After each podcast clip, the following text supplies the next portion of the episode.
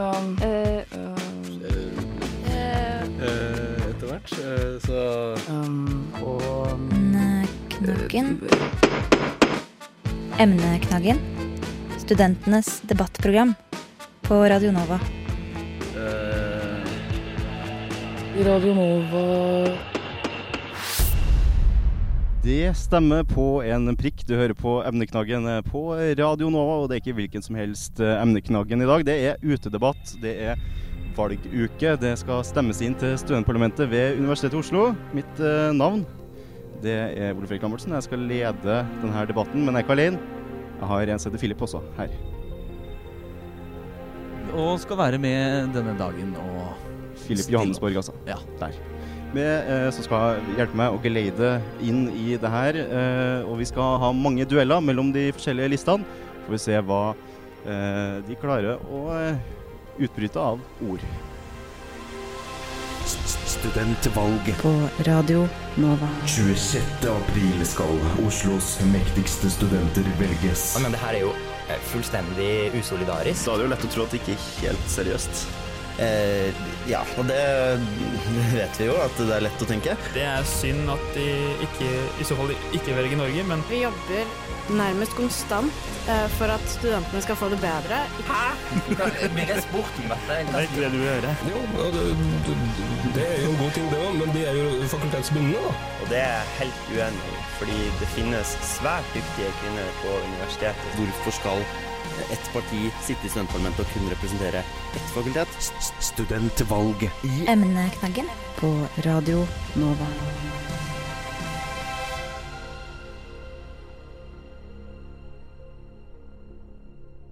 Hjertelig velkommen, Hans Christian Pølsen. Tusen takk for det. Eh, Du er leder i studentparlamentet enn så lenge, men eh, blir altså ikke å, å fortsette. Du sikta mot å bli Norges mektigste student og stilt til ledervervet i Norsk studentorganisasjon, men måtte dessverre se deg slått av Mats Bello. Eh, Hvordan har du det egentlig nå? Ja, nå har jeg det fint.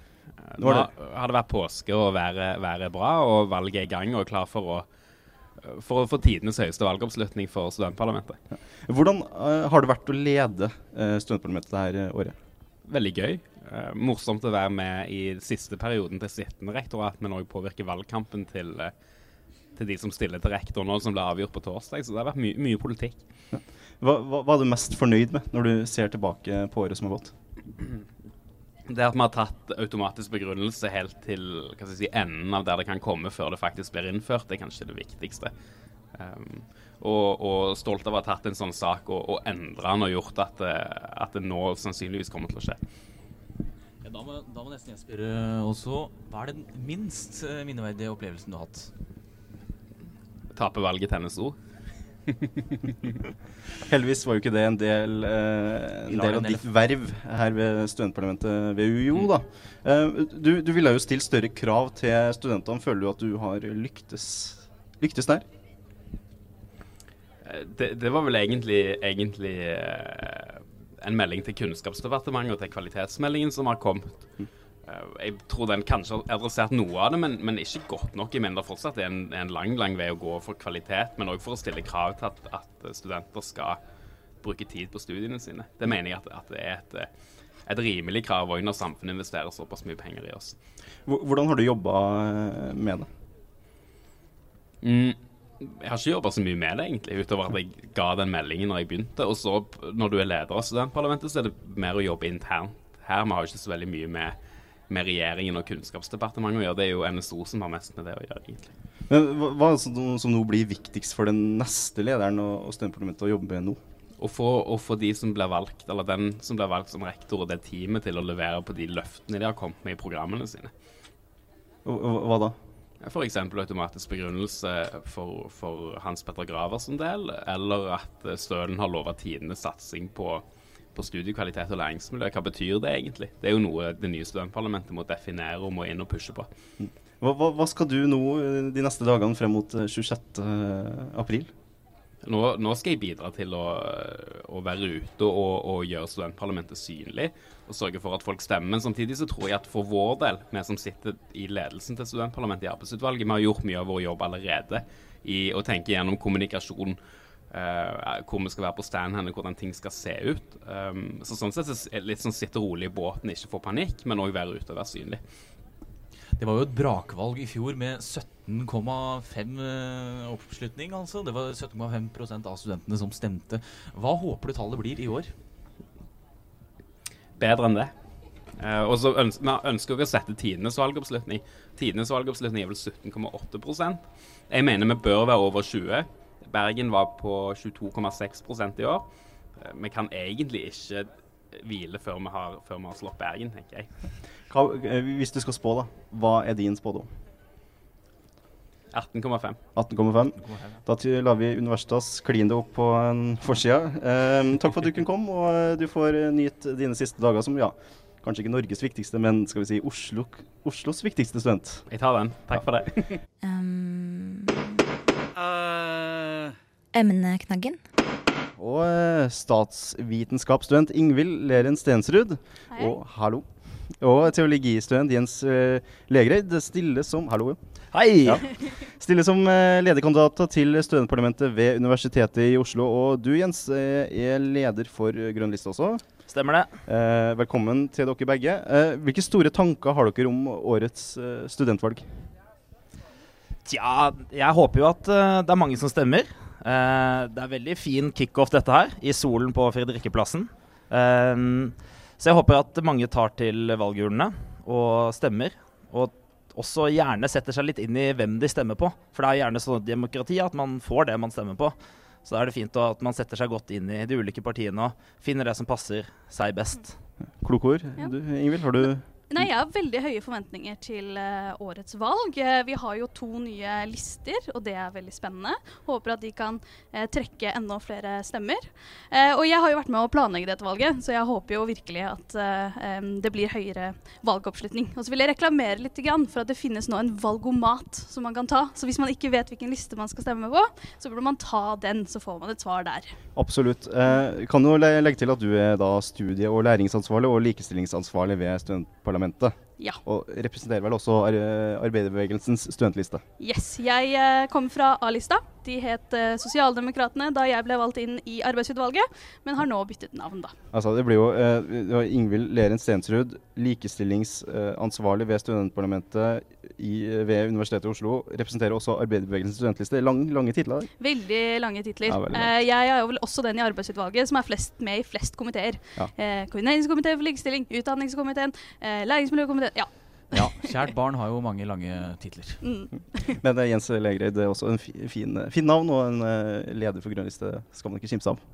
Nei, uh, tusen takk for det. Eh, vi, vi har jo noen titler eh, under beltet alle sammen i studentparlamentet. Det er eh, ofte slik at eh, eh, man melder seg opp til veldig mye. Um, og veldig mye av det er det veldig få som egentlig vet hva er.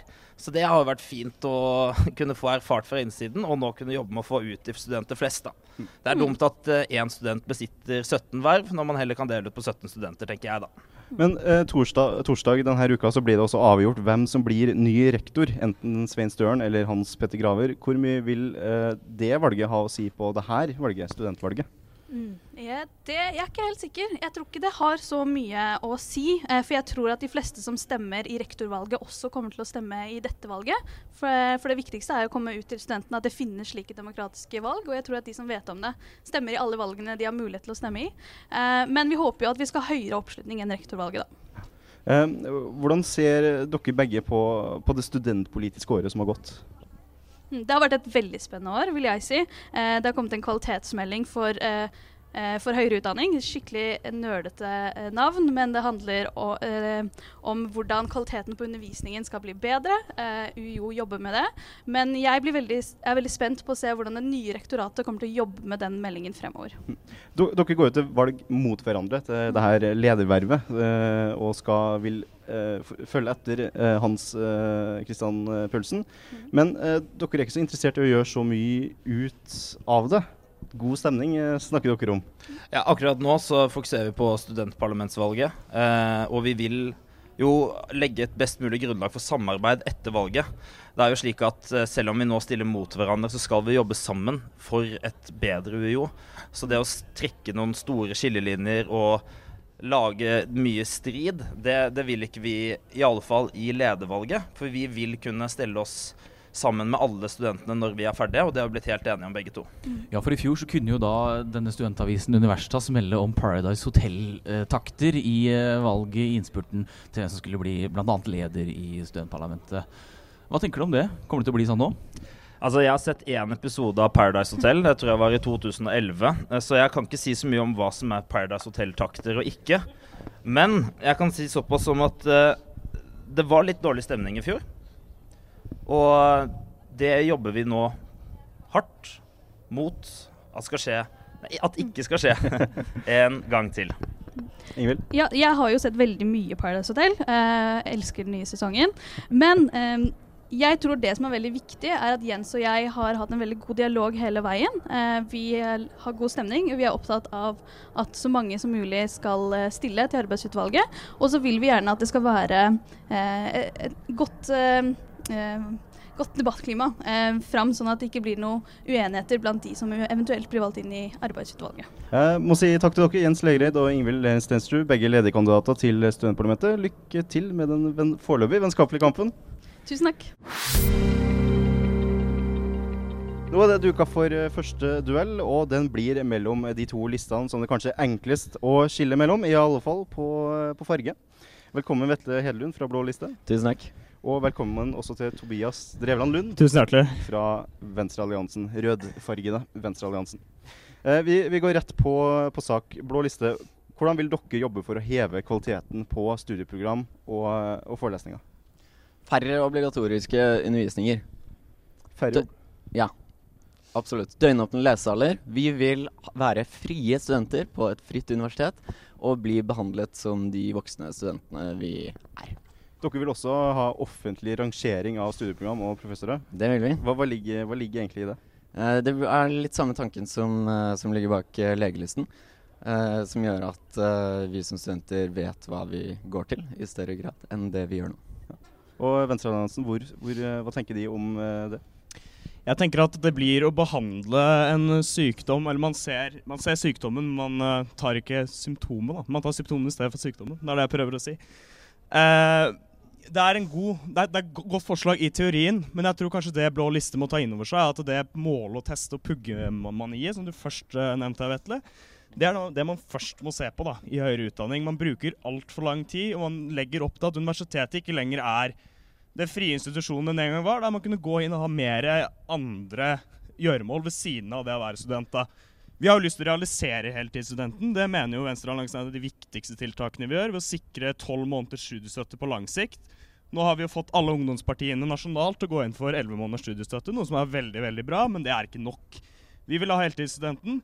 Vi vil også la studenter ha en fritid ved siden av. Det gjør seg vanskelig å gjøre med finansieringen de møter i dag. Da. eh, hvorfor tror dere at eh, rangering vil funke? Nei, altså, jeg, jeg er jo enig i veldig mye av det Tobias uh, sier her. Og så tror jeg også at det er viktig at vi, uh, vi da på campus legger til rette for at vi kan være heltidsstudenter med f.eks. døgnåpne lesesaler. Men eh, ja, Philip? Ja, men Syns du også at eh, studentpolitikerne burde rangeres? Det tenker jeg, da. ja, Gjerne for meg. Vi rangeres jo hvert år, og du ser jo på valgresultatet at kanskje vi skulle fått litt mer stemmer inn da, for å kunne gi oss en ordentlig god karakter. Men uh, absolutt. Ja, for det er jo ikke direkte glissent her, men uh, det er mest studentpolitikere, det skal sies, altså. Men uh, hvilken vei eh, vil Venstrealliansen gå i spørsmålet om å heve kvaliteten på utdanning og forelesning? Vi tenker jo først og fremst det handler om uh, det som å realisere vårt slagord som er fred, frihet og flinkere forelesere. Jeg tror det er én ting Blå liste og også er enige om, så er det jo at alle har lyst på bedre forelesere. Hvordan skal du la de forbli det? Jo, nemlig la de få lov til å forelese. I dag så har man et ganske skjemavelde, selv for professorer. De har ganske mye de må gjøre utover det å være forelesere. New Public Management osv. osv. Det må vi se nærmere på, i tillegg til at vi også Men ønsker dere å ta da bort den forskningsbaserte undervisningen ved at professorer f.eks. skal få lov til å bare forske og ikke undervise også? Det er noe vi har sett på. Eh, vi, har ikke program i år, vi hadde det i fjor. eh, fordi Ja. det vi ser, er at eh, det å undervise meritteres ikke. Eller det gir seg ikke utslag Men da vil du bygge ned. Universitetet i Oslo, da? Så du vil ikke ha, uh, ha forskningsbasert Vi vil absolutt ha forskningsbasert undervisning, men vi ser at vi må finne insentiver for at det lønner seg også å undervise, og ikke bare forske. Og det, det må vi gjerne finne en felles løsning på. Eh, Hedlund, dere i Blå liste dere har vært for, og er vel fortsatt for, skolepenger for studenter utenfor EØS. Eh, Venstrealliansen er jo helt imot. Er det et poeng i debatten at eh, norske studenter eh, må betale i utlandet? Og derfor Eh, må internasjonale studenter Om hva da er et poeng? At eh, eh, norske studenter, når de studerer i utlandet, Ja. må betale der. Ja. Er det et argument for at vi, de må betale her? Å ja, nei, det syns jeg ikke. Ja, fordi, eh, jeg syns, men jeg syns det finnes bedre måter å drive bistandspolitikk på, da. Hvordan? Nei, da blir det jo ikke utdanningspolitikk, ikke sant? Og da skal ikke jeg mene, stå her og mene for mye om det, i og med at dette er, dette er en studentpolitisk eh, debatt. Og så er det også sånn at eh, det er ikke sånn at hvis du stemmer blå liste, så blir det plutselig dritdyrt å studere ved, ved universitetet. Vi går ikke til valg på, eh, på skolepenger for, eh, for noen. Så, så det blir litt rart Dere går ikke til valg på skolepenger for noen fra Europa, men alle utenfor de skal betale skolepenger. Og det er det jeg mener da, Du sier det jo selv, vi skal ikke drive bistandspolitikk, men når det viser at utdanning, og i hvert fall gi folk som ikke har de samme vilkårene, tilgang på høyere utdanning er den mest effektive bistandspolitikken man kan føre. og Da mener jeg det er usolidarisk av oss som universitet, institusjon i et så rikt land, å ikke gi disse menneskene muligheten til det. Det er rett og slett en solidarisk handling, og det er riktig og viktig å gjøre. Du skal få lov til å, Hvis du har en kommentar, så skal du få lov til å si den. Uh, nei, altså det, To- Tobias, du, du kan godt stå her og, og si det, og, og, og at blålista er usolidarisk og sånn, men, eh, men det er ikke sånn at vi vil nekte noen å komme til Norge og studere, men vi må se litt på hva vi har penger til, og hva vi ikke har penger til. Og det skjønner jeg. Og så er det først og fremst å ha regjering som gir skattekutt til de aller rikeste, så er det klart at det blir mindre penger til resten. Det er en digresjon. Men det som er resultatet med den politikken som Blå liste vil ha, er at eh, 79 Vi innførte det i Sverige Det som skjedde med ikke-vestlige studenter, det gikk ned med 79% Og hvis det er det dere vil, som er resultatet av politikken dere vil føre nå, så er det jo kjempevellykka. Vi Hvis de ikke har at, lyst til å ha de her, vi, så er det jo at, vi vil at studenter skal komme hit fordi Universitetet i Oslo er et av de beste universitetene å studere på, ikke fordi de kan studere her gratis. Der må vi sette strek på første duell. Takk til Vetle Hedlund fra Blå liste og Tobias Drevland Lund fra Venstrealliansen.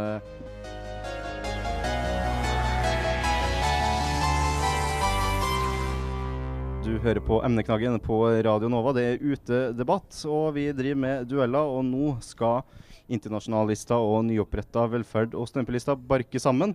Velkommen, Marianne Mariana uh, Kodabandelu. Hei, hei.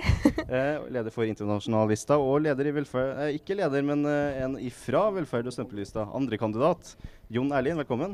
Tusen takk. tusen takk. Eh, vi kaller dere for VSL fra nå av, hvis, det- hvis det er greit? Det går fint. Eh, men eh, internasjonalister, som, som representant for eh, internasjonalt orienterte studenter ved UiO, så er dere jo opptatt av språk. Hvor, hvor viktig er det med mer fokus på språk ved UiO? Først og fremst er det viktig at internasjonale studenter lærer norsk. Det er selvfølgelig en av de viktigste. Det, når du kommer her, så er det veldig viktig at du lærer språket, sånn at du kan være sosial, og du kan um, du kan også delta i det politiske, og så alt som mulig er det. Og så det er veldig viktig at uh, vi snakket litt om gratis språkkurs for internasjonale, fordi da får alle mulighet til å lære og så delta og være medlem av universitetet. Mm. Eh, Jon Erling, du er vel ikke Vi er ikke veldig uenige i det her, nei. For det, det handler jo om studentvelferd. Eh, det å kunne trives i studiehverdagen handler jo om eh, kommunikasjon og det å prate med hverandre. Og språkkurs og det å kunne møte andre, da, som du sier. Være sosial i andre arenaer. og Sånn som på f.eks. Eh, diverse eh, studentpuber her, hvor det møtes mange fra forskjellige eh, type land og alt mulig, hvor de kan trene norsk sammen eller sånne ting. Det er jo et eh, velferdstiltak som vi er, vi er for. Men, men eh, la oss gå til sånn ytterpunktene av hva dere formodentlig representerer. Fordi, hva, hva er viktig, viktigst det neste året? Sørge for utveks, utveksling som standard, eller bedre standarden i studentbyene? Altså, der eh, snakker vi om enten jobbe for det som skjer der litt ute, eller det som skjer nærmest. Um, jeg kan si at uh, egentlig begge er viktig, uh, men jeg kan litt snakke mer om utveksling og hvorfor det, det kan være viktigere. Um, fordi utveksling Nå eh, skal vi snakke om de norske studenter som skal fak faktisk gå ut og lære mer om verden og altså, bli med de andre studenter. Og så da får de bedre ferdigheter, uh, blir åpen, og så um, får ferdigheter til å faktisk de får de ferdighetene tilbake til Norge og bruker dem her. Um, men også å ha det med uh, det andre side, f.eks. Og påvirke noe her, så er det også viktig, tror jeg. Veles? Ja, nå skal vi på ingen måte si at det er uviktig med utveksling. På ingen måte. Men uh, du må jo tenke på det sånn da, at utveksling er noe du kanskje gjør i et halvår eller et år. Mens uh, hvis du har en bachelor- eller mastergrad her, så skal du bo her i fem år. Kanskje. Og hvis du skal bo her i fem år og lære godt, få inn mye god kunnskap om verden eller politikk eller fysikk eller hva det måtte være du studerer, så må du trives i studenthverdagen din, og da må du ha et sted som du kaller hjemme. Og det er ikke hjemme med mindre du får til et, eh, et bo hvor du trives. Og derfor må det til utbedring her, og det syns jo vi er særdeles eh, viktig at det prioriteres. Fordi du kan rett og slett ikke fungere like godt hvis du mistrives med måten du bor på. Borte bra, men hjemme best der, altså. Borte bra, men hjemme best. Det er vel ikke overraskende hvilke standpunkt som kommer fram her, men uh, burde studenter heller aktivt melde seg av utveksling, uh, eller uh, aktivt må melde seg på, som nå? Hmm. Jeg var veldig for, også i NSO, så at vi skulle ta frem og melde seg av. Fordi da viser universitetet at de er for utveksling. Og så da sendes en melding til alle studenter at vet du hva, dette er noe veldig bra for deg, og dette må du gjøre. Eh, selvfølgelig hvis du ikke vil, så kan du melde deg av. Dette er uh, fri universitet. Men da viser også universitet støtte til at dette er en god ting, og så man får masse, masse erfaring og så uh, ferdigheter fra det. Erlend, velferd og studentpolista?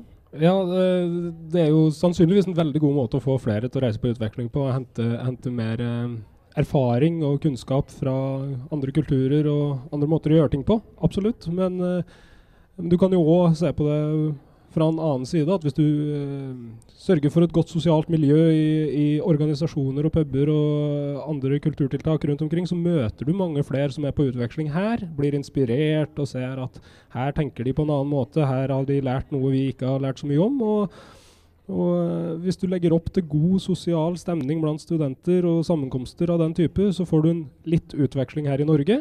Men da kan du òg øke interessen da, for å reise ut på en helt frivillig basis. Mm. Eh, takk eh, til dere, Marianna Koda Bandelu, leder for Internasjonalista, og leder eh, og eh, andrekandidat eh, Jon Erlien fra Velferd og Studentpolista. Grønn liste de stiller med Julia Wissetøne. Velkommen, heter det. Hei. Eh, også lederkan eh, ikke lederkandidat, eh, det er Jens Legreid som er kan lederkandidat for deres liste. Nei, jeg er lederkandidat. Ja. Eh, og eh, hei også til deg, Jonas Virtanen fra A-lista. Takk skal du ha. Takk. Eh, du er leder nei, Du er da i Arbeiderbevegelsens studentliste, som er det fulle navnet. Det stemmer. Ja. Et langt navn som da blir veldig korte og fine A-lista. Altså, alle har fine navn, for all del. Vårt er litt ekstra fint og pragmatisk. Men eh, vi går rett på sak. og Universitetet i Oslo de har jo bånd til eh, oljesektoren, en viktig, viktig, sektor for Norge fortsatt. Eh, hva har det å si for UiO-studenter at UiO er involvert i, eh, med olje- og offshoreselskap? Det har jo ganske mye å si. Eh, det er jo ganske problematisk at oljesektoren får kjøpe forskerne våre. Eh, og bestemme hva de skal mene om fossil energi og hva de skal forske på. Det er vi helt imot. UiO må satse på framtida og de fremtidige løsningene. Hvor eh, står A-lista? Nei, altså, jeg er veldig enig i det Julia først trekker frem her. Men jeg vil jo da lese opp fra Grønn liste sin politikk at UiO skal kutte båndene til oljesektoren. Da må jeg jo spørre, da. Skal ikke UiO pålegge oljesektoren hvordan den skal drive? Er ikke det meningen med universitet og akademia? At vi skal legge premisser for oljesektoren? Og da kan vi jo ikke bare kutte alle båndene? Eller er det det du mener? Vi mener at eh, sånne avtaler som akademiavtalen må kuttes. Oljesektoren må vi ut av. Fornybar energi er noe annet, og det kan vi selvfølgelig være med på. Men tror du UiO kommer til å ha noe påvirkning på oljesektoren hvis vi skal kutte alle bånd? Eh, ja, det tror jeg helt klart at vi kan ha. For ved å si at vi ikke vil at oljesektoren skal sponse våre forskere, så tar vi avstand fra oljesektoren. Og da må de som driver med fossil energi i dag, finne andre måter. Det er så deilig med studentpolitikk altså nå, som er godt forberedt, slik at hun tar over jobben til programlederne. Jo, men nå, nå må du svare på det jeg faktisk spør om. Fordi jeg sier jo ikke at eh, Jeg er jo enig i at vi skal kutte avtaler, men skal vi kutte alle båndene? Skal ikke UiO som eh, samfunnsaktør pålegge oljesektoren å kunne pre liksom være en premissleverandør? For det svarer du ikke på. Skal vi ikke være det? Vi kan selvfølgelig ha kontakt med energiselskaper, men det trenger ikke å være de som satser på oljesektor, eller olje i det hele tatt. Ok, Så, men altså, så, så, så dere må omfløre med det, da? Kutte noen av båndene, men ikke alle? Så dere må kanskje omfordele Nei, med det må vi ikke, for det- vi vil ok. ikke ha kontakt med oljesektoren. Bare, bare kontakt når vi kan legge premisser. Så Som vanlig så er ikke Grønn liste helt enig med seg selv, da, men det er vi vant med. Vi, I stad så var vi innom eh, i forrige duell mellom internasjonallista og VSL, eh, så var vi innom det med aktiv påmelding for utveksling. Yay or nay? Eh, nei, jeg syns egentlig ikke det. Jeg syns at studentene skal få bestemme selv om de vil på utveksling, og ikke føle et press på at de må dra på utveksling. Man kan også ha det fint og trives på UiO. Alisa? Eh, ja, nei, altså Vi er jo k- kritiske til dette forslaget fordi at vi vil ikke pålegge studentene noe mer byråkrati enn det allerede er. Eh, vi, er vi liker intensjonen, for vi er åpne for at universitetet skal legge, ha flere Altså Det skal være mer intensiver for å dra på utveksling, og vi vil at universitetet skal legge mer til rette for det. Men å pålegge studentene enten av mer eh, byråkrati mot å melde seg av, det er vi veldig kritiske til. Men eh, er grønn liste eneste alternativ for dem som bryr seg om eh, miljøet? Det vil jeg absolutt si. Vi er den eneste lista som tør å oppfordre UiO til å ta store strukturelle grep. Er du enig i det? Nei, altså Grønn liste vil ikke redde verden uh, i studentparlamentet i Oslo, men med fellesskapsløsninger og gode klimatiltak som vi kan uh, få til i fellesskap, som A-lista er uh, opptatt av, så kan vi komme veldig langt på vei. Selvfølgelig vil ikke grønn liste redde verden, men hvis man skal nå klimaavtalene, man har f.eks. Parisavtalen, så må eh, ting skje på lokalt plan. UiO er en framtidsrettet eh, institusjon, og da er det viktig at den utdanningen vi får her, gjør at vi er rusta for dag nei, fremtidens arbeidsmarked. Eh, det var egentlig det vi rakk. Eh, ta, tusen takk til, eh, til Julia Visetøyne fra Grønn liste, og eh, også Jonas Virtanen fra A-lista. Tusen takk til dere òg. Radio nå. Nå er Tobias Drevland Lund tilbake fjerdekandidat for Venstrealliansen. Hallo. Hei igjen. Og det er da ny duell, og da må vi si hei og velkommen også til Markus Pettersen Irgens. Tusen takk. Liberals, liberalistes hærfører. Ja, det kan man si. Hvordan, eh, og vi går eh, rett på sak. Eh, hvordan kan studentenes velferd på campus bedres, ifølge liberal liste? Det er mange ting man kan gjøre. En av de tingene vi har snakket mye om eh, i det siste, er at vi ønsker å gjøre campus litt mer spennende. Vi har lyst til å gjøre Fredrikkeplassen litt mer spennende. Eh, og en av de tingene vi ønsker å gjøre, er å åpne for at flere aktører kan, kan komme inn på uh, universitetet sine bygg og f.eks. selge mat eller drive, drive bar eller eh, ja, Sånn at man kanskje har litt flere ting å finne på her enn bare å studere og gå hjem klokken fire. Så dere i Liberal liste har da lyst til å få amerikanske tilstander på campus. Men hva med dere da i Venstrealliansen? Har dere lyst på svenske tilstander? Er det sånn å forstå? Nei, Vi har jo lyst på russiske tilstander eh, à la før 1990. Nei da, det har vi ikke. Eh, jeg må jo minne, minne deg på, Markus, at det er jo allerede kommersielle aktører på Blindern campus i dag. Vi ser jo bl.a. Bunnpris ligger her borte. Det er jo en hel haug, den Wax- On, Wax Off-salongen. Ikke minst. Ikke minst. øh, og jeg er jo helt enig i at det kunne blitt mye spenn mer spennende her, men i motsetning til Liberal liste så har vi lyst til å styrke øh, Vi har lyst til å styrke SIO, bruke mer penger på SIO, fordi SIO er en demokratisk privat øh, aktør i forhold i motsetning til liksom Starbucks, McDonald's og Burger King. Eh, så har vi en innflytelse gjennom studentpolitikken også på hvordan SIO styres og hvordan de bruker pengene sine, og det mener vi er et gode. Ja, Da tenker jeg at uh, det blir litt enkelt å, å komme med det angrepet der. For vi har ikke nødvendigvis sagt at vi ønsker Starbucks eller Burger King på campus. Jeg tenker f.eks. at Det Norske Studentersamfunn skal kunne drive en kafé eller en bar på gateplanet for å drikke. Uh, jeg tenker at Eh, kanskje noen skulle fått lov til å konkurrere noe på mattilbud også, der SIO har et monopol. F.eks. burde kanskje U1 eh, på SV-bygget få lov til å selge toast. Det får de ikke lov til i dag, fordi at SIO har matmonopol. Så det er ikke snakk om at vi skal kaste ut eh, kaste ut fra drikkekantinen for å få plass til liksom, munchies, selv om det kanskje hadde vært gøy for mange. Uh, det er snakk om å gjøre det litt lettere å finne valgmuligheter som ikke er SIO sine alternativer. Og så må man kunne si at det er jo ikke fryktelig billig i SIO sine kantiner. Så tenker vi at hvis det funker med litt konkurranse, så funker det. Hvis det ikke funker, så kommer det til å gå ad undas uansett for konkurrentene. Uh, problemet, Markus, er jo enig i mye av det du, det du framfører, holdt jeg på å si. Men problemet er jo nettopp det at hvis vi skal få inn masse kommersielle aktører da, som har til hensikt å eh, generere profitt, så vil de også ikke nødvendigvis bli billigere for studentene, i motsetning til SIO, der vi kan ha en innflytelse på prisnivået, på tilbudet, på hvor tilbudet finner sted, så har ikke vi den kontrollen over frie kommersielle aktører. Det er det jeg ser eh, litt skeptisk på, men jeg er jo ikke mot mangfold. Jeg er jo ikke mot å ha det gøy. Det er jo ingen av oss som har det. Altså kan jeg si at Vi er jo, vi vil heller ha litt tendenser til amerikanske tilstander enn nordkoreanske tilstander. Jeg tenker hvordan prisnivået hadde vært på bunnpris hvis det var SIO som styrte matvarebutikken. Uh, og når det gjelder den studentene sin innflytelse på SIO, selvfølgelig jeg sitter også i velferdstinget der der vi jobber med med SIO, Men det er jo ikke sånn at vi har klart i noen særlig grad å senke prisene for drikkekantinen. Det koster 80 kroner hvis du skal bli halvmett eh, til lunsj. Men det er også fordi vi har for lite innflytelse på hvordan SIO drives i dag. Eh, og jeg håper du har lyst til å være med meg i den kommende studentparlamentsperioden og kjempe for at vi kan få enda mer innflytelse på hvordan SIO styres, slik at vi kan senke prisene og gi et ordentlig godt og billig tilbud. Helt enig, noe må gjøres, men løsningen er ikke å slippe til de kommersielle aktørene. Det tror jeg ikke. Dere får bli, bli enige om å være uenige, da. eh, Den eh, gamle klisjeen der. Vi må eh, takke til dere. Vi må sette strek. Markus Pettersen Irgens, Liberal Liste, og Tobias Drevland Lund, Venstrealliansen. Um, Emneknaggen. Nå er det da dags, eller duka for, realistlista mot internasjonallista. Og velkommen hit uh, uh, til denne debatten.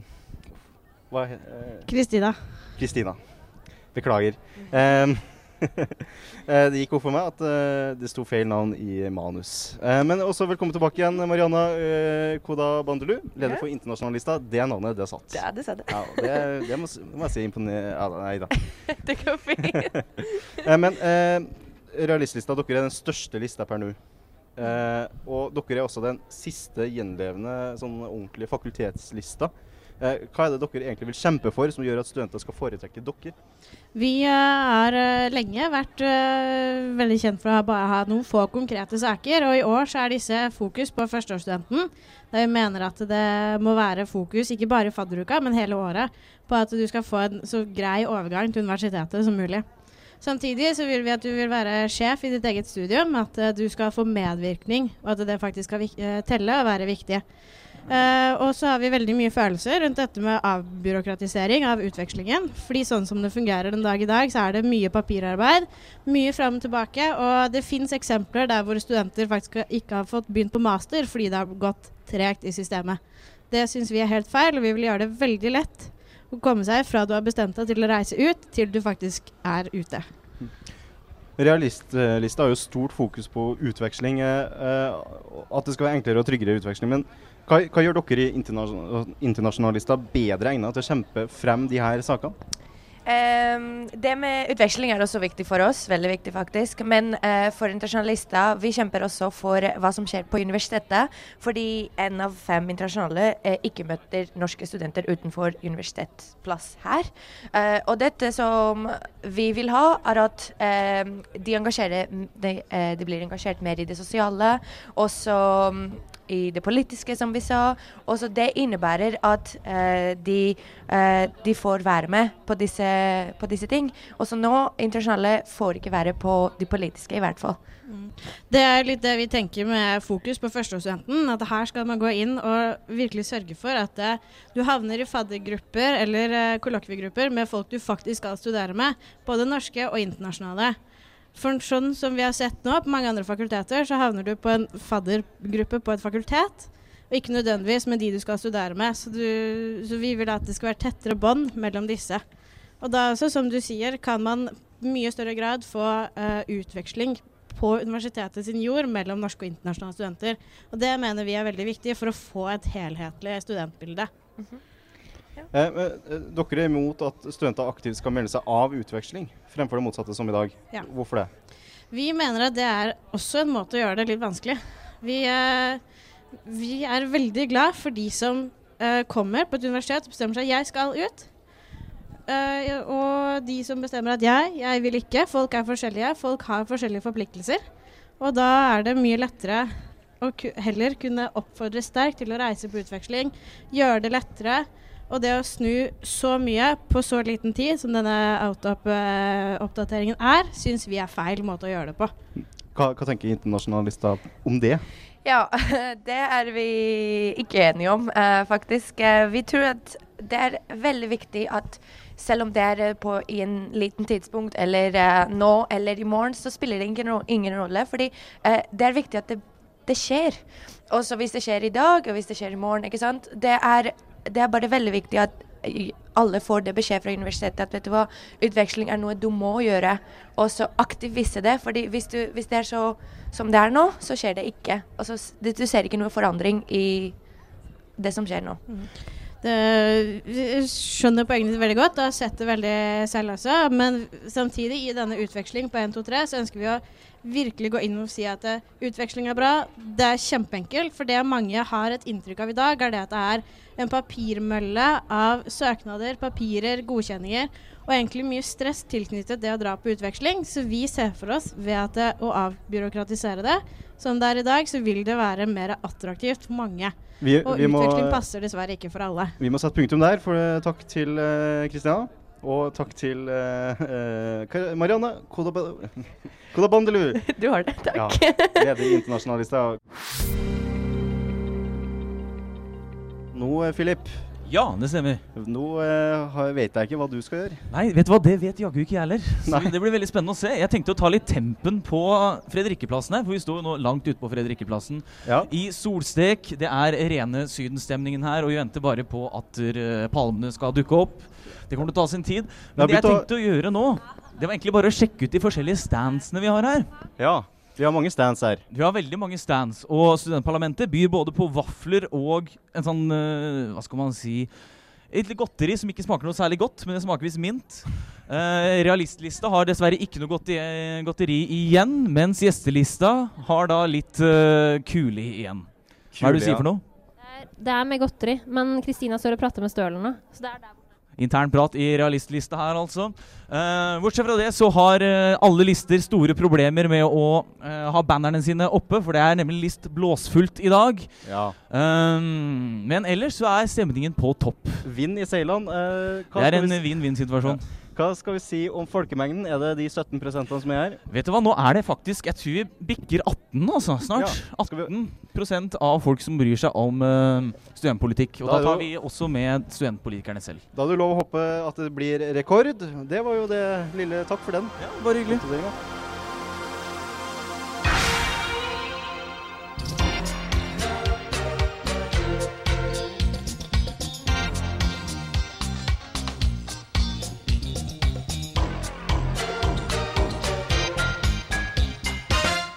Hjertelig velkommen, Aksel Braanen Sterri. Tusen takk. Du har gjort eh, kontroversiell meningsbærer av deg, spesielt som kommentator i Dagbladet. Men nå har du blitt doktorgradsstipendiat her ved Universitetet i Oslo. Eh, en hjemvendt sønn, kan man si. Takk skal du ha. Takk skal du ha. Eh, For eh, tilbake i 2010 så var du nemlig leder for student studentparlamentet ved UiO. Mm. Og det er jo studentparlamentet ved UiO vi er her alle sammen for i dag. Og, men hvordan ble det seg til den gangen at du ble studentleder? Du. Nei, altså jeg, altså jeg startet på Blindern når jeg kommer fra Oslo. Um, så når jeg startet på Blindern, så tenkte jeg første året sånn Nei, jeg har jo masse venner fra før av, så jeg trenger ikke på en måte få noen venner her. Uh, og så brukte jeg et år på å ikke få noen venner, og så startet jeg uh, året etter, og så fant jeg ut at uh, nei, faen heller, det er ikke noe fett å sitte aleine i lunsj i kantina, selv om jeg har, føler at jeg har masse venner utenfor, utenfor universitetet.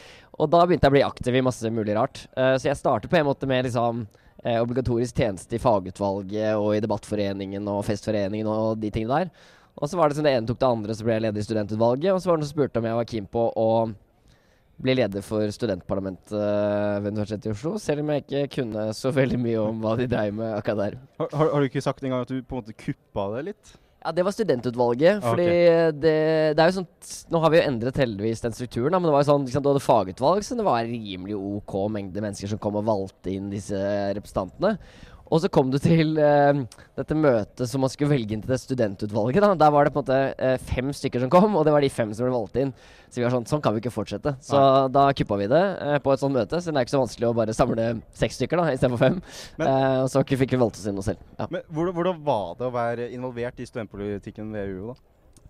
Det er sikkert litt som i dag. Ehm, det, er, eh, det er jo på en måte en seig prosess, hvis du tenker på det. Hvis du skal prøve å få til noe gjennom den byråkratiske strukturen og opp i eh, øverste etasje på Lucy Smiths hus hvor rektor sitter, så er det på en måte Det er begrenset hva du får til, og det blir hele tiden på en måte fortalt sånn Det her må dere prioritere. ikke sant? Studenter har lyst til å få til alt på en gang, eh, og de er veldig klare på sånn Det er én eller to ting de kommer til å få til i løpet av det året. Så det vi tenkte når jeg satt der, var sånn OK, hva er det vi hva er det enklest for oss å få til gjøre noe bra, da? Og det er jo å være et organ for studenter. Så ikke sant? Det er som dere sa i starten, altså det er maks 17 eller sånt som stemmer i valg. Og det er selvfølgelig helt tragisk, men det er nesten enda verre at selv blant de 17% som stemmer, så veit du ikke hvem som sitter på Villa Eika. Så det å prøve å gjøre seg tilgjengelig og være synlig og sånn, det prøvde jeg å gjøre.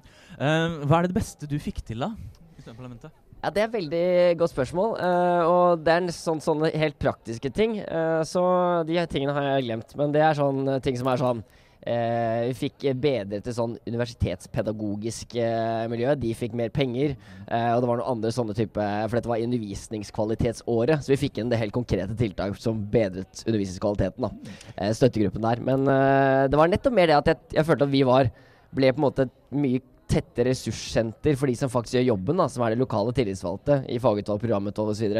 rundt på universitetet. Det var kanskje det jeg er mest stolt av til. Men opp oppmerksomhet, det fikk du. Eh, fordi du er jo mannen som prøvde å legge ned teolo teologisk fakultet. Fortell om eh, hele den eh, sagaen der. Ja, altså Det startet egentlig med at jeg og en kompis Eller vi var en kompisgjeng på vei til eh, Sandefjord på hyttetur. Og så leste vi i Aftenposten at uh, Trine Skei Grande, leder i Venstre, hun ville uh, opprette et im imamstudier på Universitetet i Oslo. Og det er det lett å latterliggjøre. ikke sant? Skal vi på en måte lære, lære islamske prester uh, opp til å være islamske prester her på universitetet? Hvor tross alt dette er jo et sted for vi skal søke sannhet og den fresheste kunnskapen om verden. Og så tenkte vi det her må vi jo skrive om. Men så var det litt sånn Men vi har jo prester som utdannelse, er ikke det også sinnssykt? Og da tenkte jeg vi kan ikke bare kritisere det at uh, imamer skal utdanne seg. Vi bør si, på en måte, trekke inn logisk konklusjon da, og si at vi bør ikke utdanne prester heller. Og så var det liksom det ene tok det andre. da, For det er sånn Ok, hvis du fjerner presteutdanning fra Teologisk fakultet, hva står igjen? Jo, da har du selvfølgelig noen gode litteraturstudier og noen gode historiske studier og sosiologi, men de miljøene er jo i dag en sånn ekkokammer langt utafor Blindern campus, ikke sant? Eh, og det hadde vært mye bedre for de miljøene, tror jeg, om de hadde blitt lokalisert på de ulike stedene hvor det er faktisk sterke fagmiljøer i dag. Så da ble det til at det ikke bare ble legge ned presteutdanninga, men legge ned hele Teologisk fakultet og flytte i relevante funksjoner i andre steder. da. Kom det i hvert fall i avisene, eh, men eh, du lyktes jo vel ikke. Nei, og det blir jeg litt overraska over, egentlig. og, for jeg tror egentlig ganske mange studenter og studentpolitikere på den tida forsto argumentasjonen og for kjøpte mye av argumentasjonen. Men så er det akkurat som studenter. De er så jævlig ansvarlige. Og studentpolitikere er kanskje enda mer ansvarlige enn det studenter ellers er òg. Så de tør jo ikke å si Det er ikke sånn at vi hadde anledning til gjennom studentparlamentet å legge ned teologisk fakultet uansett. Så kunne ikke vi sagt at faen heller, eh, presteutdanning på et universitet er, det er helt ute å kjøre. Eh, og da kan vi like godt eh, legge ned hele greia.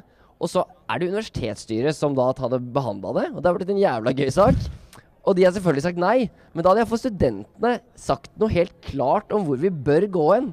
Men da ble det sånn Nei, det er jo for ekstremt, det er for radikalt. Og ja, da mm, forsvant det.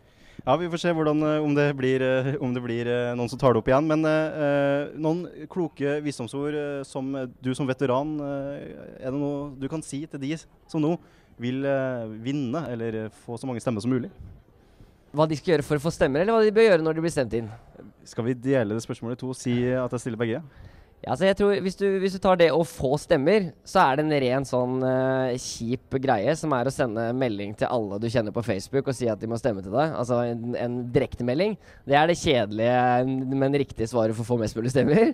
Eh, eller gå rundt og plage folk. Men poenget er at du må gjøre det enkelt for folk å få stemt. For hvis du bare står her, så er det sånn Nei, stem på oss, da! Og så går de bort, og så går de på lesesalen istedenfor å gå på maskinen og stemme. Så det må skje der og da, da. Så du kan tvinge folk til å stemme her og gå, ta opp telefonen din og stemme. Det er også en mulighet. Fysisk. Ja, det må, du må tvinge der og da. Det er der du har deres uh, Det er der du har kraft over dem. Tør du påstå at det er boller eller vafler som er det beste lokkemiddelet? Eh, jeg har alltid stemt på vafler. Spesielt eh, vi prøvde å lage noen grove vafler uh, med geitost, men uh, det ble stemt ned fordi man tross alt er slikkepinner. Uh, til hva de faktisk skal gjøre, hvis jeg rekker det. Ja, Veldig kort, da. Ja. Et kort råd. Ja, Det er nettopp det å ta på alvor at det er ute på de lokale På instituttene, fakultetene. Det er der det faktisk skjer ting. Det er der man trenger sterke studenttillitsvalgte. Så hvis man bruker tiden sin på å støtte opp om dem, så vil det være veldig vel anvendt tid. Takk for at du kunne eh, ta deg tida til å komme, Aksel Braan Sterri. Som nå er blitt eh, doktorgradsstipendiat innen moralfilosofi, er det vel riktig, her ved UiO. Nå, Ona Pasovic, 19.-kandidat for gjestelista, velkommen. Jo, takk. Eh, velkommen også til Jonas Virtanen, 5.-kandidat for A-lista. Hei igjen. Fortsatt eh, Jonas Virtanen og fortsatt femtekandidat, det stemmer. Det er bra eh, dere holder eh, på kontinuiteten. Og eh, du har jo sagt, da, eh, eller A-lista, at eh, muligens litt eh, Din leder har sagt muligens litt sleivete at A-lista er for alt som er bra. Og vi er imot alt som er dårlig. Så Ja. det er helt riktig. Eh, for en, en ting er rimeligere mat hos SIO. Hvordan skal dere få til, få til det? Nei, altså Nå har vi allerede fått gjennomslag i Velferdstinget. Eh, der fikk vi flertall for en resolusjon. Og vi fikk gode tilbakemeldinger fra SIO sin eh, eh, mat- og drikkestyre sin leder. Eh, de kommer til å ta med seg dette videre til styret og se på det. Og derfor Grunnen til at vi har det som en hovedkamp i valgkamp, valgkampen, er for å vise at det er en sak som faktisk studenter bryr seg om. Og det er en reell problemstilling mange følger på. Eh, og Derfor uh, tror vi at dette er veldig gjennomførbart. De har det i Bergen. Hvorfor skal vi ikke ha det i Oslo? Gjestelista. uh, eh, du, du er jo 19. kandidat, Ona. 19. kandidat. Dere sier at dere er, uen, dere er uenige i i, å ha billigere mat hos Nei. SIO. Nei, det, vi, det vi sier er da at Der fløy papirene. Nei, det vi sier er at når SIO har monopol på alt, så selvfølgelig så ender det opp med at de kan jo sette prisen som de vil. Eh, vi vil jo selvfølgelig ha billigere mat i SIO, men hvorfor ikke liksom, ha food trucks, da, f.eks., som vi vil ha? eh, som gir studentene det de vil ha. Og vi vil ha billigere mat, vi vil ha mer variert mat. Men dette forslaget sier jo ikke at vi ikke vil ha food trucks. Vi bare sier at vi vil ha spesifikt enda billigere mat i eksamenstiden. Fordi at det er en periode hvor studenter er veldig sårbare. Man er lenge på lesesalen. Man er usosiale. Man uh, sitter her lenge. Man har ikke venner ofte. Og da mener vi at dette tiltaket er et godt sosialt og psykososialt tiltak. Fordi at man får et uh, møtepunkt der man kan møtes. Og det, Jeg skjønner liksom ikke helt med gjestelista hvorfor de skal være mot dette her fordi at de bare vil ha billigere mat. Klart vi vil ha billigere mat, men eh, hva, hva er galt med enda billigere i eksamenstiden, hvor du er mye på campus? Hva med billigere mat hele tiden, sånn folk kan være på Blindern alltid? Men, men tror du helt seriøst ikke at SIO jobber for det? Å ha billig, billig, billigst mulig mat? Tror du ikke det? Hvis du tenker deg liksom SIO er jo her for studentene. Det er av og for studenter. Tror du ikke de jobber med det kontinuerlig? Å ha billigere mat? Altså Man kan godt si 'å, tror du ikke det?' osv., men det handler om å sette inn konkrete tiltak. Da. Det handler om å få ting gjort. Og er ikke dette tiltaket her konkret nok? Det må jeg spørre, da. Altså, virkelig. Du kan godt si, si der sånn OK, du skal ha billigere mat i denne perioden. For det, ja, det er mange folk her, men folk er her jo hele året. Hvorfor ikke jobbe for å ha billigere mat Men, alltid? men, har du den tiden men utenom eksamenstiden? Man kan jo også ha OK, hvis man uh, f.eks. har andre uh, Hvordan skal jeg si det? F.eks. food trucks som kan være med å prissette egne priser. Så er det også på en måte De vil jo være i en konkurranse. Men nå blir det en helt annen debatt å snakke Ja. om monopol. For det, det er jo ikke det vi snakker om. Vi vil bare ha et rimeligere middagstilbud i eksamenstiden. La oss, Det- jeg skjønner ikke hva som er la oss gå videre. Nei, Det er ikke noe problem med det. Vi er Eh, er skjønnskvota i ansettelser og ved opptak til studier nødvendig? Eh, nå må vi nyansere akkurat det før vi sier ja eller nei. For det er, baserer jo seg på at vi, UiO har et uh, samfunnsansvar, og det er å utdanne nok eh, Altså utdanne nok studenter. Og da, hvis det er et eller annet studie hvor, hvor man ser at opptaket blir eh, veldig skjevt, så tror vi at det har negative effekter. Og derfor er vi veldig positive til å sette inn eh, kjønnskvotering enkelte, enkelte steder. Gjestelista, hvor, eh, hvor står dere egentlig i, i det spørsmålet? Eh, når det kommer til kjønnskvotering, så tenker jeg i hvert fall i eh, i mange studier, f.eks. psykologi, så trenger man jo både mannlig og kvinnelig psykologer. Så selvfølgelig er det en nødvendighet med kvotering i de yrkene. Men uh, dere har jo uh, det, Dere har gitt uttrykk for at dere er uenig i det. Men dem er jo av prinsipp uenig, det har vi jo lagt merke til. Uh, som, som vi sier at UiO har et samfunnsansvar, har vi for få mannlige psykologer, som vi ligger an til å få i fremtiden, det er at en mann ikke kan få psykolog. Derfor sier vi at det er hensiktsmessig å kjønnskvotere på dette studiet. Eh, vi må si takk til Ona Pasovic, 19. kandidat for gjestelista, og Jonas Virtanen, 5. kandidat for A-lista nå. Takk Eh, for, til dere òg. Hyggelig å være her. Bare hyggelig. What? Radio Nova. Du hører fortsatt på Emneknaggen på Radio Nova. Det er utedebatt mellom eh, de studentpolitikerne vi har her ved UiO. Og Philip prøver å få inter intervjua en måke. Eller måse. Alt ettersom. Måse eller måke, hva sier du? Måke. Måke, ja. Eh, vi har nå VSL og Blå liste her, og da med VSL og Jon Erlien. Og eh, Nei, og eh, eh, Jon Erlien fra VSL og Blå liste ved Vetle Hedlund. Hei. Velkommen til dere begge. Eh, representantene i studentparlamentet bør prioritere å være talspersoner for studentkulturen, eh, påstår VSL. Ja, det gjør vi. Eh, umiddelbare tanker om den påstanden, Vetle Hedlund? At eh, studentpolitikere skal være ta talspersoner for studentkultur? Ja, hva, legger dere i det, Jon Vi, vi legger jo det at de må, de må være med på å fremme den, eh, legge til rette for den og eh, uttale seg og jobbe for at det skal skje eh, rett og slett en fremming av ja, kjellerpuber, organisasjoner og tiltak som skaper sosiale settinger hvor folk trives og koser seg og utarbeider sosiale nettverk og har det bra. For hvis de har det bra utenfor uh, auditoriet, så lærer de mer når de er der inne også.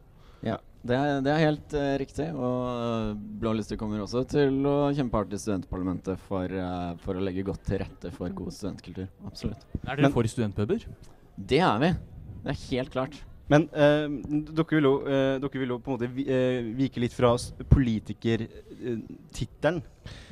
Eh, Ja, nå er vi vel kanskje litt feilsitert der. Eh, det er ikke det at vi ikke vil kalles politikere, men eh, vi vil gjerne at folk ser på oss som tillitsvalgte. Nettopp fordi at det, det sier jo da at vi ikke nødvendigvis behøver å gå gjennom studentpolitikken eller parlamentet for å løse alle saker, sånn som f.eks. vi har sagt at vi skal gjøre opp mot SIO-problemer. eh, som vi har vært i mye kontakt med i, gjennom vår organisasjon i forhold til flere andre saker, og derfor kjenner til systemet. Så hvis det kommer inn eh, noen klager eller noe utbedrings... Eh, mm, eh, ja, noe som kan utbedres da, på, på vår mail, så kan vi ta det opp direkte med SIO og få fortgang i sakene, effektivisere og få ting til å gå og bli gjort. Eh, alle er jo enige om at det bør bygges flere studentboliger. Eh, men er det riktig å bruke enda mer ressurser på studentbyene som allerede står?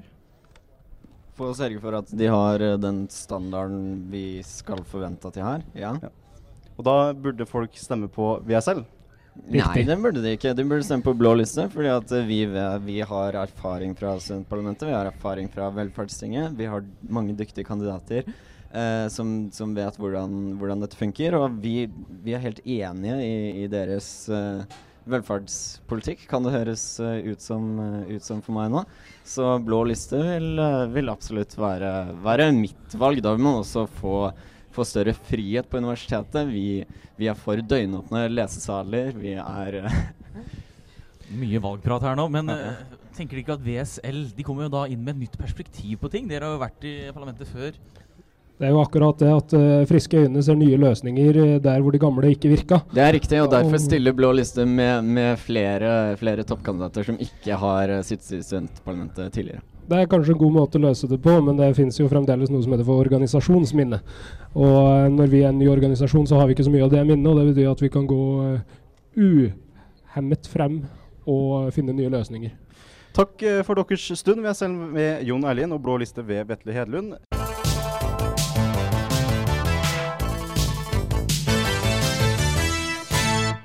Markus Pettersen Riggens leder i Liberal liste, velkommen tilbake. Tusen takk. Og realistlista med førstekandidat Karianne Andersen eh, nå her på plass. Velkommen. Hei, hei. Eh, Liberal liste gjorde jo et godt valg eh, for et år siden, mens eh, realistlista er jo størst. Eh, hvordan skal dere fortsette å tekke studenter til å bry seg om studentpolitikken? Fortsatt? Jeg tror, det aller mer? jeg tror det aller viktigste er at vi snakker om ting som studenter bryr seg om, eh, på en måte som studentene eh, forstår. Eh, og det handler om at vi sitter og behandler veldig mye saker som eh, vi føler er veldig viktige. Sånn høringsinnspill til sånn obskure stortingsmeldinger og sånt. Og det er jo vi som studentpolitikere kjempeengasjert i, men det er kanskje ikke det som er mest uh, sexy å fortelle om. Så vi må kommunisere er jo hvordan våre lister gjør studenthverdagen bedre. Ja. Realistisk, da. Hvordan skal dere tekke studenter til å stemme på dere? Altså, det som vi bruker å gjøre, er at vi henter inn saker som vi fremmer for studentparlamentet, fra fagutvalg, fra studentutvalg. Så vi bruker å ha ganske god kontakt med grasrota. Og når vi henter opp saker derfra, så tror vi at vi er i kontakt med grasrota og, og får fram saker som studenter bryr seg om. Men så er det også viktig å få fram at mange av de sakene som man jobber med i studentpolitikken, er jo ting som ikke skjer over natta.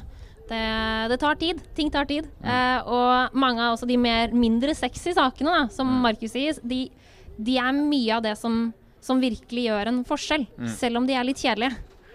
Eh, eh, Realistlista, dere dere er jo ikke helt enige at campus bør eh, kommersialiseres, eller i få inn mer eh, Burger King, eller eh, Kanskje ikke Burger King, men Nei, eh, det mener ikke vi heller. Nei, eh, men eh, Liberalist er jo dere er jo for at det skal bli mer kommersielt eh, kon kon Vi får litt mer liv på campus. Liv. Realistlista, dere er ikke helt enige. Eh, det vi mener er kanskje at man heller må fokusere på å styrke SIO, og gjøre SIO bedre. Eh, der har man mye å gå på. Uh, F.eks. vegetarmaten i SIO-kantiner. I de fleste dagene så er det egentlig ikke en ordentlig proteinkilde der.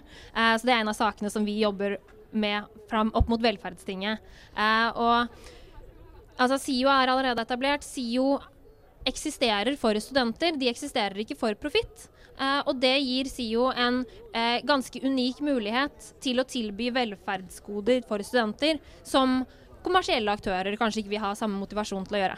Men her er jo den eh, der virkelighetsbeskrivelsen og på en måte systemene ikke helt matcher. For jeg opplever ikke at det er billig å dra på SIO-kantinen. Jeg syns det er altfor dyrt. Så jeg er helt enig med at SIO har SIO er en bra eller en bra organisasjon, men da må vi enten være strammere på hvordan vi styrer sida, sånn at det faktisk blir mulig å bruke tilbudene uten å ha en deltidsjobb, eller så er vi nødt til å gi dem noe konkurranse. Og det syns jeg hvorfor ikke gjøre begge deler. Og da mener jeg som sagt ikke at det er Burger King vi skal, men kanskje Chateau Neuf, eh, det, det norske studentersamfunn, kanskje de skal få lov til å drive en, kan, drive en kafé nede. De har allerede kompetanse på, på å drive kafé og bar. Så kan de få prøve seg, så kan de se om de klarer å gjøre det billigere og mer eh, spennende enn det SIO har klart det oppe i andre etasje. Du nikker, Karianne. Ja, jeg gjør det. Eh, Jeg er veldig enig i det. Og um, altså, Realistlista har også sterke røtter i studentkulturen. Og, og, og tilby plasser til studentkultur og studentfrivillighet eh, framfor kommersielle aktører, det er definitivt noe vi kan stille oss bak. Men hvor står dere i spørsmålet om at alle forelesninger burde streames? S strømmes, som det heter på godt norsk. Streames kanskje ikke, podkastes definitivt. Jeg tenker at det er såpass enkelt. Det går ikke an å være heltidsstudent i dag med mindre du har rike foreldre eller en ekstremt godt betalt deltidsjobb. Uh, og da må det være mulig å få tilgang til forelesninger som man kanskje bommer på fordi at man er nødt til å tjene penger til å leve. Så hvis du ikke har muligheten til å dra på en forelesning eller et seminar, så bør det ligge tilgjengelig på nett. Det kan jeg ikke se at skulle være et stort problem i 2017. Jeg er veldig enig der. Eh, og I tillegg så må det poengteres at eh, digitale ressurser som digitale forelesninger er en enorm stor ressurs når man skal gå gjennom og repetere, eh, lese til eksamener osv. Så, videre. så her må universitetet rett og slett bare få rumpa i gir og få lagt ut på nett. Og så Rent prinsipielt så mener jeg at det er, noe, det er noe større ved det også. da. Vi går på et eh, offentlig finansiert universitet. Da burde de ressursene og den kunnskapen som kommer ut av universitetet, være tilgjengelig for, for alle, ikke bare de som har hatt X i snitt og kommet inn på et studie. Men det bør ligge off offentlig tilgjengelig, sånn at alle kan faktisk følge undervisningen og kunnskapen som UiO produserer. Men er ikke denne, dette med podkast Blir ikke dette en gullgruve for eh, prokrastinører, sånn som meg f.eks., som utsetter alt eh, siste måneden? Ja, men hva er problemet med det, da, tenker jeg. Hvis du er en student som liker å ta skippertak, selv om det ikke er noe lurt, så burde ikke det være et hinder for at du skal få tak i det fagstoffet som er tilgjengelig for alle de andre på, på studiet. Men hovedsakelig så handler dette om at de som ikke har tilgang til undervisning, kanskje fordi at de har barn eller fordi at de har dårlig råd, skal ha mulighet til å følge, følge studieløpet sitt. Så det der er ikke bare skalkeskjul? Nei, det, det håper jeg jo ikke. Ja, eh, og når du kommer til det her sånn med skippertak og sånt nå, eh, så tenker jeg at der kan også universitetet komme litt mer på banen og hjelpe studenter til å bli bedre på selvregulering og på studieteknikk. Eh, en av sakene som vi ønsker å jobbe for, er jo eh, fokus på førsteårsstudenten. Og Der har vi veldig lyst til å få til en på en måte fadderuke volum to i begynnelsen av andre semester, hvor man fokuserer på studiemestring, studieteknikk, tidsmestring osv. Et lite ord til liberalist der nå. Altså er det noe med det at Hvis det er sånn at all undervisningen du får på Universitetet i Oslo er like god som podkaster som hvis du er der i fysisk levende livet, så har vi et problem med hvordan vi driver undervisning. Det må jo ha en merverdi å møte opp til et seminar. Så hvis ikke foreleserne klarer å få oss til å komme på egen hånd, eh, så eh, tenker jeg da må vi se på hvordan vi driver undervisning. Eh, takk til dere begge. Markus Pettersen Irgens, liberalliste, og førstekandidat hos realistlista, Karianne Andersen. Siste duell, og den st og står du, eh, Simen Mathisen, leder i gjestelista, og Julia Weisetøyne, grønn liste for. Ja. Velkommen. Takk. Eh, vi går rett på, og ingen obligatorisk undervisning før klokka ti. Eh, er det en god idé? Eh, Jeg mener det er en kjempegod idé. eh, Både fordi det er veldig slitsomt å stå opp eh, veldig tidlig for å komme seg til de åtte forelesningene. Jeg mener ikke at vi skal avvikle de. Jeg mener bare at de ikke skal være obligatoriske fordi Rett og slett fordi det er tidlig. Folk orker kanskje ikke å stå opp så tidlig. Og det er ikke så veldig mye mer grunn til det enn det. Man kan godt la de som har lyst til å være flinke studenter og møte opp klokka åtte, og gjerne oppmuntre til det. Men kanskje ikke gjøre det obligatorisk. Eh, For øvrig er vi kanskje litt imot obligatorisk eh, undervisning generelt. Men i hvert fall når det er eh, sånn at det går på nattesøvnen løs. Da. Hvordan stiller Grønn liste seg til det? Jeg tenker at det er begrensa med plass på UiO, at det kanskje ikke er så veldig gjennomførbart tiltak, og at det kanskje ikke er det studentparlamentet skal prioritere. Men, har du ikke tenkt på plassproblem? Med? Eh, altså, jeg tenker at det ikke er et eh, plassproblem, fordi de forelesningene som er klokka åtte, kan godt være klokka åtte. Da kan man flytte de som ikke er så veldig obligatoriske, til eh, litt eh, tidligere på dagen, eventuelt. Eh, dra det ut utover ettermiddagen. Eh, ikke Altså, lag mer plass, da. Det viktigste er egentlig bare at studentene har det bra. Så kan vi finne plassen til det. Det tror jeg ikke er det store problemet. I gjestelista dere vil jo ta et oppgjør med kjedelige studentpolitikere. Er Grønn liste blant de kjedelige? Um, nå må jeg passe meg litt, da. Uh, nei, Grønn liste er uh, hyggelige folk, de, altså. Uh, men studentpolitikere generelt sliter med å vise at de har relevans for studentene ved Universitetet i Oslo. Um, og de kan godt være morsomme folk på fritiden og ha masse viktige saker som de er flinke til å få gjennomført. Det er bare det at ingen vet om det, fordi det er ikke relevant for liksom, vanlige studenter. Det er ikke relevant for 80% av de som er her i dag. Så derfor stemmer det ikke. Eh, vi har 80% oppslutning ved alle valg de siste 20 år. Eh, resten av eh, studentlistene har 17,3. Hvor får du oppslutninga di fra, egentlig?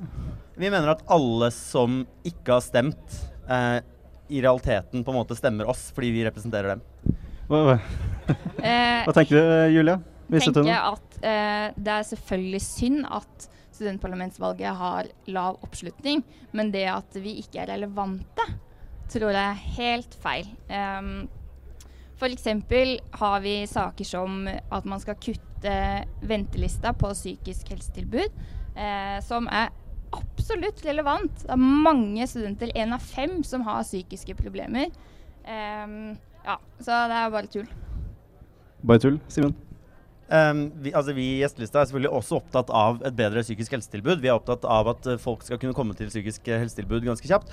Men vi mener at man i studentparlamentet ikke har klart å vise studentene hvorfor man er relevant, hvorfor de skal stemme. Og det er jo ikke bare fordi uh, man har feil saker. Det handler om hvordan man liksom markedsfører seg selv. Uh, I tillegg så tar man bare tak i en del sånne nisjesaker som bare omhandler den spesifikke studenten i det året hvor det er på agendaen. Uh, man tar liksom ikke opp generell uh, velferdsheving for alle, da.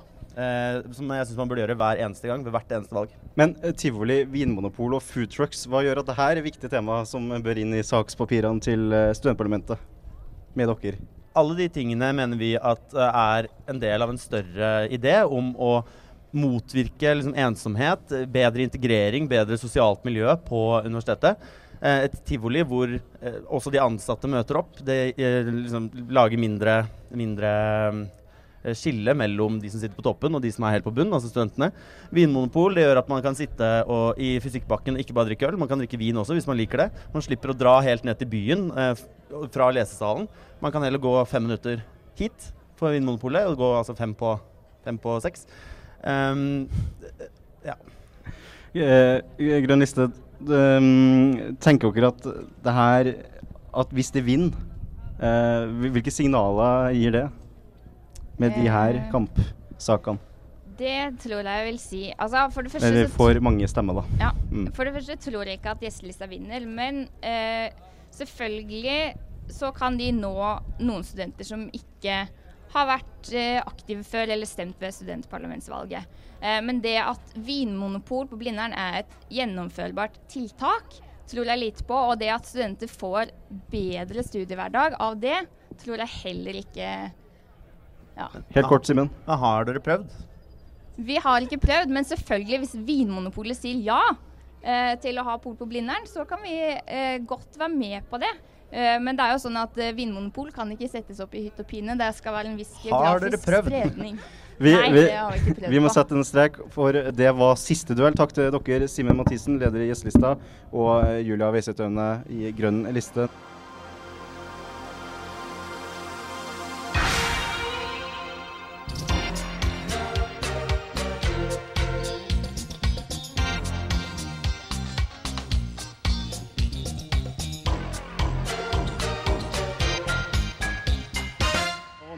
Noe helt eh, skal vi se, sprelsk, skal vi kalle det. Eksepsjonelt bra. Ja. Revol revolverappell, aldri skjedd før. Og vi skal ha det her nå, direkte i emneknaggen på Radio Nova. Alle skal få 30 sekunder på å si hvorfor folk skal stemme på dem. Og vi har ingen rekkefølge, så vi starter med en tilfeldig her. og Det blir Vetle Hedlund og Blå liste. Og jeg vil at alle skal si hvem de er, og hvem de representerer for hver når de får mikrofon. Da starter vi. Tida nå. Takk. Jeg heter Vetle Edlund, og jeg kommer til å stemme på blå liste ved årets uh, parlamentsvalg fordi jeg har lyst til å bli behandlet som en voksen student og ikke som en barneskoleelev. Det får jeg med blå listes politikk, med døgnåpne lesesaler og færre obligatoriske forelesninger, slik at jeg kan disponere tiden min fritt selv. Neste. Hei, jeg heter Jonas. Om du ønsker et studentparlament som sier ja, der universitetets ledelse sier nei, og du sier nei, der studentenes rettigheter blir utfordret, bør du stemme A-lista. Vi ønsker at studietiden din skal være noe mer enn en bachelor- eller mastergrad. Derfor vil vi at du skal få så mye som mulig ut av studietiden ved å jobbe for lik rett for, til utdanning, billigere mat i eksamensperioden, studentaktive arealer på campus. Vi er lista for alle. Godt valg. Yes. Hei, jeg er Karanne fra Realistlista. Eh, Realistlista er på en måte fornuftens stemme inn i studentparlamentet. Vi har ikke noe partipolitisk motstykke i stortingspolitikken, eh, så det vil gjøre at vi kan velge de beste løsningene uavhengig av ideologi. Vi jobber bl.a. for bedre læringsmiljø, studentmedvirkning, bedre forelesninger, bedre fadderuker og enklere utveksling. Så hvis du er enig med oss i at dette er viktig, så bør du stemme Realistlista. Neste. Hei, jeg heter Sara, med Liberal liste. Jeg er med fordi vi vil ha et større psykisk helseteam på campus og terapihunder. Og så vil vi òg ha mer fleksibel studiehverdag med f.eks. podkast av alle forelesninger. Yes, takk. Hei, jeg heter Julia, eh, lederkandidaten til Grønn liste. Grønn liste er lista som bryr seg om din studenthverdag, men også tør å ta grep og snakke om de strukturelle endringene UiO må gjøre. Vi vil at du skal få billigere mat i SIO-kantina, at du skal få bedre oppfølging og studieveiledning, at UiO skal gi deg den utdanningen som er relevant for fremtidens arbeidsmarked. Neste. Hei sann, jeg heter Tobias. Jeg er fjerdekandidat for Venstrealliansen. Hvis du vil at lederlønningene i SIO skal ned og studiestøtten skal opp, da må du stemme på Venstrealliansen. Vi vil ha velferd til alle. Vi vil gi studentene mer makt over egen studenthverdag. Og vi vil også ha flere kvinner på pensum og et grønnere, mer solidarisk universitet. Takk. Yes. God dag, jeg heter Jon Erlien fra Velferds- og studentbilister. Vi er for studentvelferd, for det er det sentrale ved studenthverdagen. Hvis du trives med studietilværelsen, så lærer du mer. Når du lærer mer, så kommer du ut klokere på den andre sida. Vi vil jobbe for at hemmeligholdet i SIO skal opphøre. Vi vil jobbe for at SIO skal utbedre tilbudene sine, og vi vil jobbe for å få fremme velferdstilbudene på campus, om det er organisasjoner eller kjellerpuber. Takk. for meg. Sist og nest minst. Gjestelista. Hei, mitt navn er Simen Mathisen. Jeg er førstekandidat for gjestelista. Den eneste lista som er opptatt av reell studentvel studentvelferd. Eh, din velferd, din hverdag. 80% av studentene stemmer på oss ved å ikke stemme ved studentparlamentsvalget. Hvis du ikke er opptatt av studentpolitikk, burde du sjekke ut vår politikk, for vi viser at studentpolitikk kan være relevant også for din hverdag ved å ta tak i reelle problemer, og ikke bare nisjeproblemer som går i én og én periode på ett år. Takk.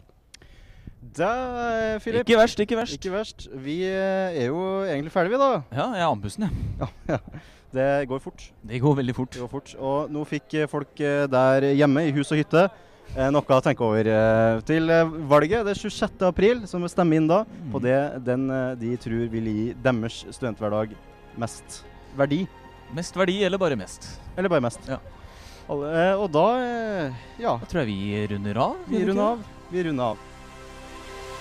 Studentvalget. På Radio Nova. 26. april skal Oslos mektigste studenter velges. Ja, men det her er jo eh, fullstendig usolidarisk. Da er det jo lett å tro at det ikke er helt seriøst. Eh, ja, og det, det vet vi jo, at det er lett å tenke. Det er synd at de ikke, i så fall ikke velger Norge, men Vi jobber nærmest konstant eh, for at studentene skal få det bedre. Hæ? Blir det sport om dette? det er ikke det du vil høre. Jo, det, er jo en god ting det òg, men de er jo fakultetsbundne, da. Og det er jeg helt uenig i, fordi det finnes svært dyktige kvinner på universitetet. Hvorfor skal ett parti sitte i studentparlamentet og kun representere ett fakultet? Studentvalget i Emneknaggen. På Radio Nova.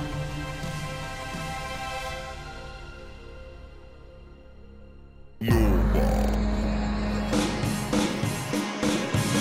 har hørt en podkast fra Radio Nova. Likte du det du hørte? Du finner flere podkaster i iTunes og på våre hjemmesider radionova.no.